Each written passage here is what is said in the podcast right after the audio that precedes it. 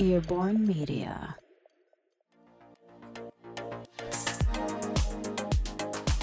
Dzień dobry, nazywam się Artur Kurasiński i zapraszam Cię do wysłuchania mojego podcastu. Jeśli interesujesz się innowacją, inwestowaniem, startupami i tym, jak technologia zmienia świat, w którym żyjemy, to zapraszam do subskrypcji mojego newslettera pod adresem technofobia.com.pl, w którym znajdziesz wiele takich treści. A teraz życzę miłego słuchania. Dzień dobry, witam bardzo serdecznie. Ja nazywam się Artur Kurasiński, a to jest Technofobia. A dzisiaj porozmawiamy o kryptowalutach, a właściwie o tym, co z nich zostało, kiedy wszystko się no, poszło w dół. E, no bo poszło w dół i to znacząco. Niektórzy mówią o tym, że nadchodzi krypto kryptozima, niektórzy mówią, że to jest ten taki wielki test, wielkie czyszczenie. No jest ciekawie. Ostatnio większość moich dyskusji, które odbywałem, mógłbym streścić na temat krypto, mógłbym streścić następująco. Hej, a czym ty się zajmujesz? No ja kupuję i sprzedaję krypto. No wiesz, ale krypto to jest jakaś taka niestabilna, nawet nie waluta, to jest jakieś takie dobro, które z tym jest problem i w ogóle nie wiadomo, regulacje. Nie, ty nic nie rozumiesz, to jest rewolucja, która zmieni świat. A co dokładnie robisz z tymi kryptowalutami? Ja kupuję taniej, żeby sprzedać drogo. No to jest takie moje złośliwe podejście, ironiczne, mało obiektywne, ale patrząc po tym, co obecnie, czy właściwie w zeszłym tygodniu zadziało się z notowaniami kryptowalut, chyba dość dobrze oddaje naturę tego problemu. Chęć zarobienia za wszelką cenę. Brak zrozumienia technologii, nawet próbę zrozumienia, co się kryje za tym całym blockchainem, celowe oszukiwanie milionów osób przez niektóre osoby i owczy taki stadny pęd. Słuchajcie, to jest niesamowite, ale ostatnio taksówkarz zapytał mnie, jadąc e, ze mną samochodem, czym się zajmuje. No taka gadka szmatka. Powiedziałem mu, że zajmuje się kwestiami związanymi z komputerami i tak dalej. E, VR też metaverse. I on wpadł w to i mówi, metaverse zaraz, to też kryptowaluty. Przez chwilę nie wiedziałem, co odpowiedzieć. On się zaczął mnie pytać, czy wiem coś o bitcoinie, czy by mi coś żebym ja mu coś polecił, może bym coś mu zasugerował, jakąś inną kryptowalutę do inwestycji. No i przez chwilę nie wiedziałem w ogóle o co kaman, bo, bo z jednej strony byłem zafascynowany, jak szybko, tak niszowy trend, no szybko, no wiecie, no Bitcoin ma tam już swoje, swoje 10 lat, no ale szybko jak na takie bardzo skomplikowane zagadnienie, on wbił się pod strzechę, i, ale z drugiej strony wyczułem tylko, że temu człowiekowi chodzi jedną rzecz, ja chcę na tym zarobić, ja nie chcę wiedzieć jak to jest zbudowane, do czego to może się przydać, ja po prostu chcę na tym utłuc gruby szmal. I kryptowaluty od lat były wpychane do mainstreamu przez influencerów, celebrytów, m.in. Matta Damona, LeBrona Jamesa, Ashtona Kutchera, Reese Witherspoon, Gwyneth Paltrow, Paris Hilton czy Kim Kardashian. Dziękujemy Wam bardzo. Przez sponsorowanie gal e, i różnych hal, stadionów, drużyn sportowych i pompowanie narracji typu no możesz kupić dzisiaj nawet malutką część bitcoina i poczekać, aż urośnie kilka tysięcy razy, a potem to już po prostu będziesz milionerem. Osobiście nie ma nic przeciwko spekulantom, graniu na giełdzie, obstawianiu najdziwniejszych zdarzeń, czy hazardowi, jeśli tylko jest to zgodne z prawem, pod kontrolą prawa i w pełni kontrolowane przez państwo. Problem z kryptowalutami i produktami pochodnymi, jak chociażby NFT, jest jednak taki, że nadal są to produkty finansowe żyjące w pewnej prawnej pustce, a rynkowi regulatorzy nie potrafią nadal stworzyć ram funkcjonowania takich instrumentów e, w naszym rynku. A tam, gdzie pojawia się wizja szybkiego i bardzo dużego zarobku, pojawia się też cała masa przestępców, dziwnych platform i fraudów. Nie wiemy jeszcze, co dokładnie zadziało się w zeszłym tygodniu, ale możemy wskazać czynniki, które są odpowiedzialne za krach kryptowalut, albo jak to się mówi w slangu kryptotraderów, crypto winter. W czwartek, 12 maja, kurs bitcoina, króla kryptowalut, zjechał do poziomu 26 tysięcy dolarów, czyli do najniższego poziomu od czerwca 2021 roku. Z rynku zniknęło pfu, 200 miliardów dolarów. I to był kolejny e, z fali problemów, e, z jakimi społeczność inwestorów kryptowalut musiała się zmierzyć. Zapaść ekosystemu Terra przez e, oderwanie wymienialności UST w relacji 1 do 1 od waluty amerykańskiej dolara, zjazd cenowy jego głównego tokenu Luna z ponad 100 dolarów za sztukę do raptem kilkunastu centów, próba oderwania wymienialności największego stablecoina USDT od właśnie 1.1 na USD, olbrzymie spadki kursu Bitcoina, Ethereum, to wszystko było udziałem wszystkich osób, które zainwestowały w kryptowaluty w zeszłym tygodniu. To wszystko skomasowane w jednym tygodniu doprowadziło do kolejnej właśnie kryptozimy i no cóż, nie, nie zapowiada się wcale na to, że, że to jest koniec. A jeszcze nie tak dawno kryptowaluciarze triumfowali, kiedy pojawiły się pierwsze ETF-y oparte na kontraktach terminowych na Bitcoinie. Wydawało się, że strumień pieniędzy płynący do branży krypto nigdy się nie skończy. Obecnie na serwisie Reddit pojawiają się posty o samobójstwach spowodowanych spadkiem wartości kryptowalut. I to nie jest jakaś pojedyncza informacja, tylko takich takich wpisów jest e, bardzo dużo. Ostatnio kryptowalutowa zima miała miejsce w 2018 roku, kiedy Bitcoin wzrósł do około 20 tysięcy dolarów, a następnie przez około 2 lata spadał do poziomu poniżej 5 tysięcy dolarów. Oznaczało to koniec marzeń bardzo dużej grupy osób o szybkim zarobku, no i po prostu wieszczenie kolejnych spadków. Tamta zima nadeszła w obliczu załamania cen i ograniczenia przez regulatorów pierwszych e, ofert monet czy ICO.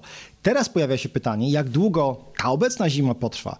Akcje Coinbase'a spadły o 85%, a platforma Robinhood straciła tylko 80%. Nowi klienci wabieni przez influencerów oraz celebrytów wizją tanich kryptowalut i olbrzymich zarobków w mediach społecznościowych masowo kupowali coiny i NFT. Teraz budzą się w nowej rzeczywistości, w której spadki sięgają czasami 90%.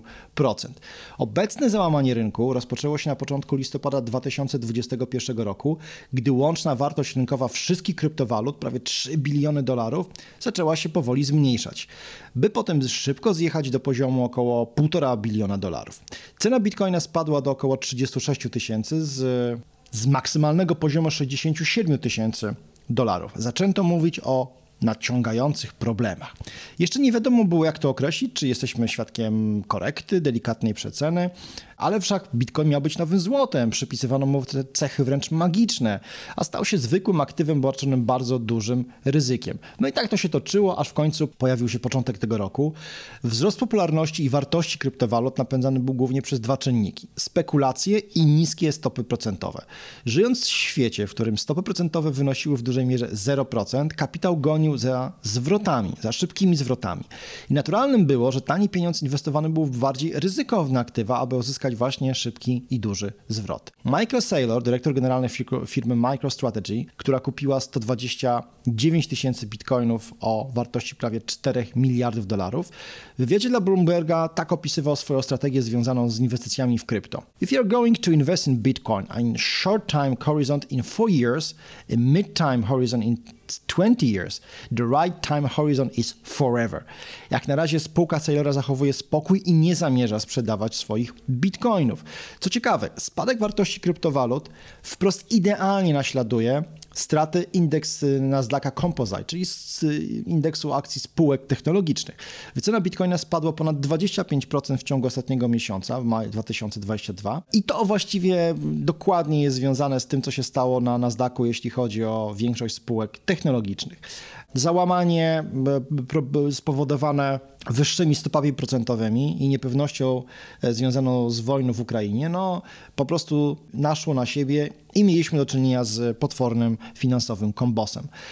Wyceny Nasdaqu znacznie, można powiedzieć, że skandalicznie wysoko urosły w trakcie pandemii koronawirusa. No, taka spółka Zoom, napędzane oczywiście przez inwestorów instytucjonalnych, takich jak fundusze hedgingowe i inne, pompujące pieniądze w spółki, które zarabiały najwięcej właśnie na produktach, które kupowaliśmy w trakcie pandemii. W przeciwieństwie do wyznawców Bitcoina, którzy cierpliwie edukowali rynek i tworzyli jego podwaliny, osoby obecnie handlujące krypto traktują je jako część po prostu większego portfela inwestycji technologicznych o wysokim ryzyku i wysokim wysokich zyskach.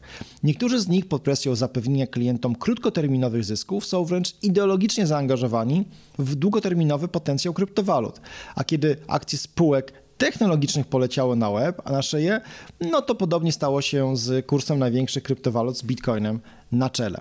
Kryptowaluty więc stały się ofiarą swojego największego marzenia być w mainstreamie, mieć możliwość, a właściwie być handlowanym, bycie podstawą do tworzenia instrumentów finansowych opartych właśnie o kryptowaluty. No i cóż, to się wydarzyło i okazało się, że bycie częścią dużego systemu finansowego po prostu oznacza bycie narażonym na te same problemy, które dotykają właśnie cały rynek. Bitcoin już wcześniej odrabiał e, naprawdę duże straty, a jego długoterminowy wzrost e, był imponujący.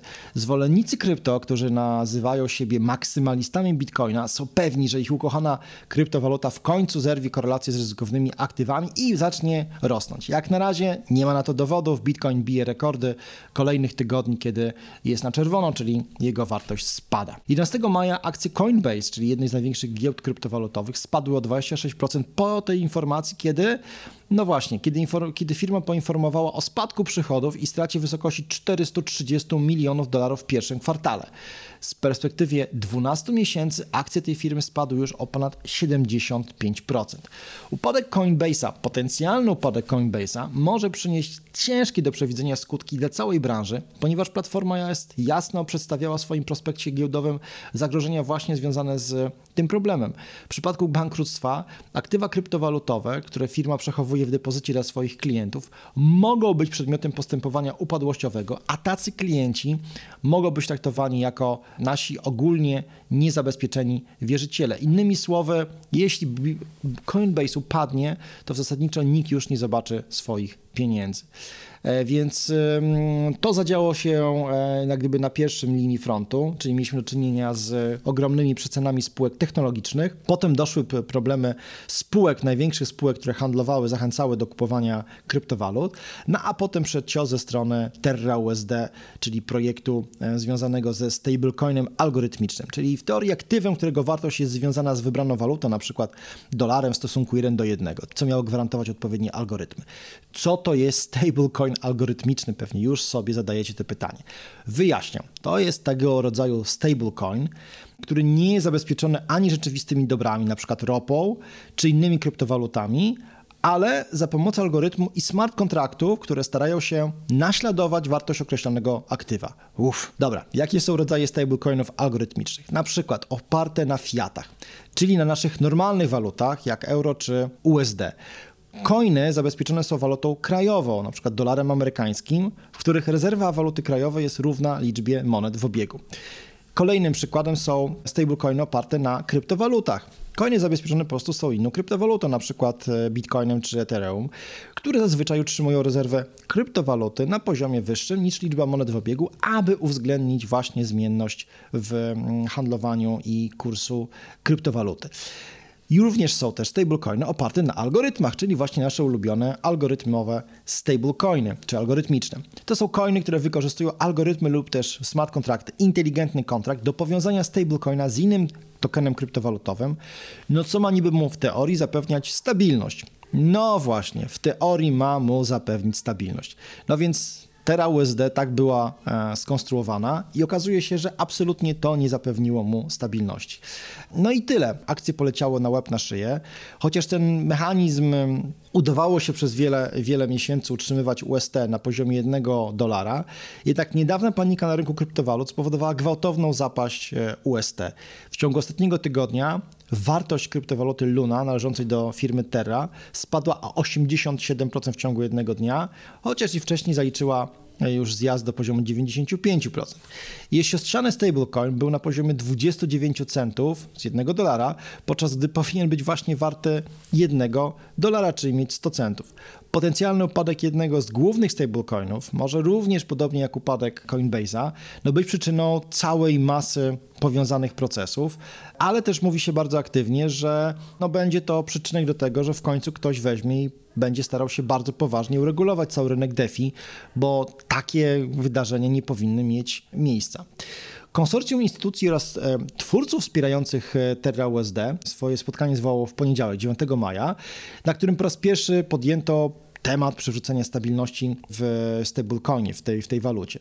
Don Kwon, twórca Terraforms Labs USD, zaproponował co prawda plan ratunkowy, ale społeczność i rynki nie zareagowały zbyt entuzjastycznie.